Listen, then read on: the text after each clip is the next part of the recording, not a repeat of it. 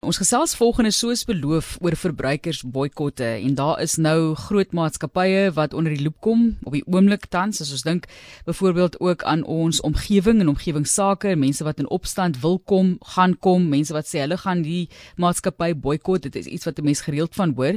So kom ons hoor wat sê Dr Linda Meyer of dit effektief is. Sy is menslike hulpbronne spesialis en 'n gewese CCMA kommissaris. Dr Meyer, het jy al ooit 'n produk of 'n maatskappy geboikot? Weens of vir een of ander goeie doel wat jy glo goeie doel was? Ja, ek ek moet ek moet uh, beleid hê dat dat ek dit wel al gedoen het. Ehm um, en dit is natuurlik vir verskeie redes hoekom mense hierdie besluit neem. Goed, so kom ons gesels oor presies wat is 'n verbruikersboikot? Wat behels dit alles? 'n Verbruikersboikot is 'n daad van nie gewelddadige, vrywillig en opsetlike onderhoud van die gebruik of koop of hantering van 'n persoon of 'n organisasie of as 'n land iets wil uitdruk uh van protes gewoonlik vir morele, sosiale, politieke en omgewingsredes soos wat jy voorheen ook in die inleiding uh bekend gestel het. So kom ons gesels gou 'n bietjie oor dalk kan jy sê of daardie keer wat jy iemand of iets geboikot het of dit enigsins effektief was bereik mense wat dit doen daardie verbruikers wel hulle doel op 'n stadium soms doen hulle. So ek moet ek moet sê ek het geboikot van skooltyd af vir die snoepie, julle die skool snoepie want die kos was so sleg. So dit dit hang regtig af wat se energie en wat se redes daar is hoekom mense verbruikers boikotte ehm um, aanvul. So daar moet 'n goeie rede wees vir die verbruiker om 'n boikot te identifiseer want dit mag vir 'n lang periode aangaan en jy moet seker maak dat jy regtig staan vir wat dit is wat jy uh, jouself dan uh, gaan weerhou. 'n uh, onderliggende rede vir vir ondersteuning mag wees dat 'n verbruiker voel dat hulle word nie goed behandel deur 'n maatskappy nie of dat uh, die produk wat hulle gebruik nie eties gewerf word nie of dat 'n land slegte menseregte praktyke het en hulle gaan net eenvoudig nie na daai land toe nie want daar is 'n 'n beroep om van mense om weg te bly van 'n spesifieke land of 'n maatskappy of van 'n produk of van 'n mens of 'n organisasie af. Uh, ons moet verstaan boikot het 'n lang en belangrike geskiedenis om by te dra tot progressiewe sosiale verandering, sowel as om al meer onmiddellike doelwitte in te slaag. So een van die vroegste voorbeelde, byvoorbeeld as in Engeland oor die suiker uh boikotte wat wat uh, plaasgevind het in 1791 wat wat wat goeie doelwitte bereik het. En soos ons weet in Suid-Afrika uh met boikotte die ondervinding wat ons het is dat dit wel 'n wêreldimpak kan hê as dit gekoördineer is om verandering te bring op groot skaal. So kom ons gesels oor 'n paar voorbeelde en dalk kan jy uitwys of dit wel effektief was met van daardie voorbeelde dalk wel darm 'n lig wat gewerp word op sekere kwessies gee vir ons 'n paar idees.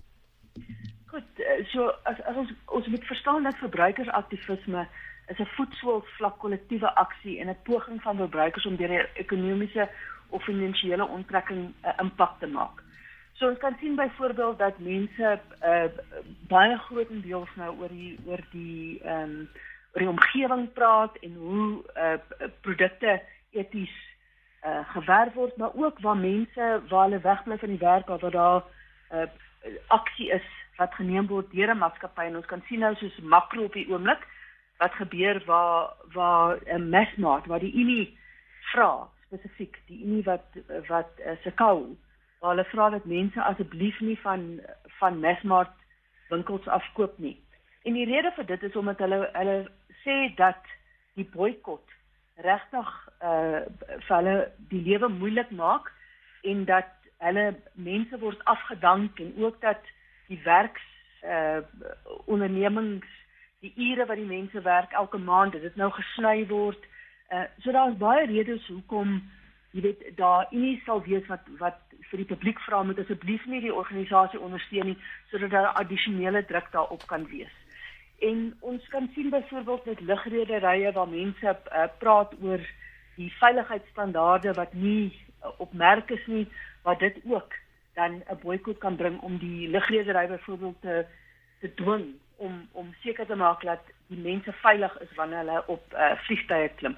So ons kan ons kan die hele dag hier praat oor ehm um, baie voorbeelde. Maar die belangrike ding regtig vir my is dat dat ons seker maak wanneer ons praat van hierdie boikot dat ons verstaan dat dit vir 'n spesifieke rede is en dit gaan regtig net werk as dit aangeneem word deur 'n groot groep van mense. Want as twee of drie mense dit ondersteun, gaan gaan dit natuurlik geen werkwaardige impak hê op die proses nie.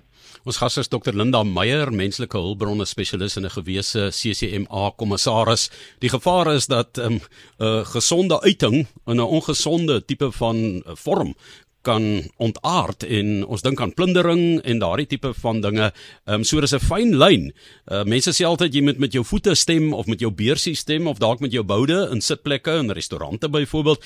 As jy nie daarvan hou nie, dan wys jy dit op daardie manier, maar dit kan ook gevaarlik wees vir al ons mense betrokke raak wat eintlik nie weet wat was die aanvanklike uh, boikot waarmee jy te doen het nie, nie waar nie.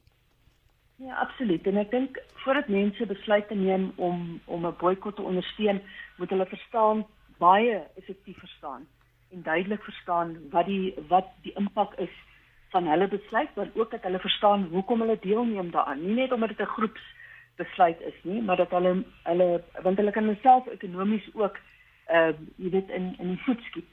Dan nou besluit hulle om nie na 'n spesifieke winkel toe te gaan nie en net drie keer verder ry om om iets te gaan koop, maar as hulle regtig glo dat wat die mense sê vir hulle aan die hart slaan, dan kan hulle natuurlik dan 'n besluit maak om dit dan te ondersteun.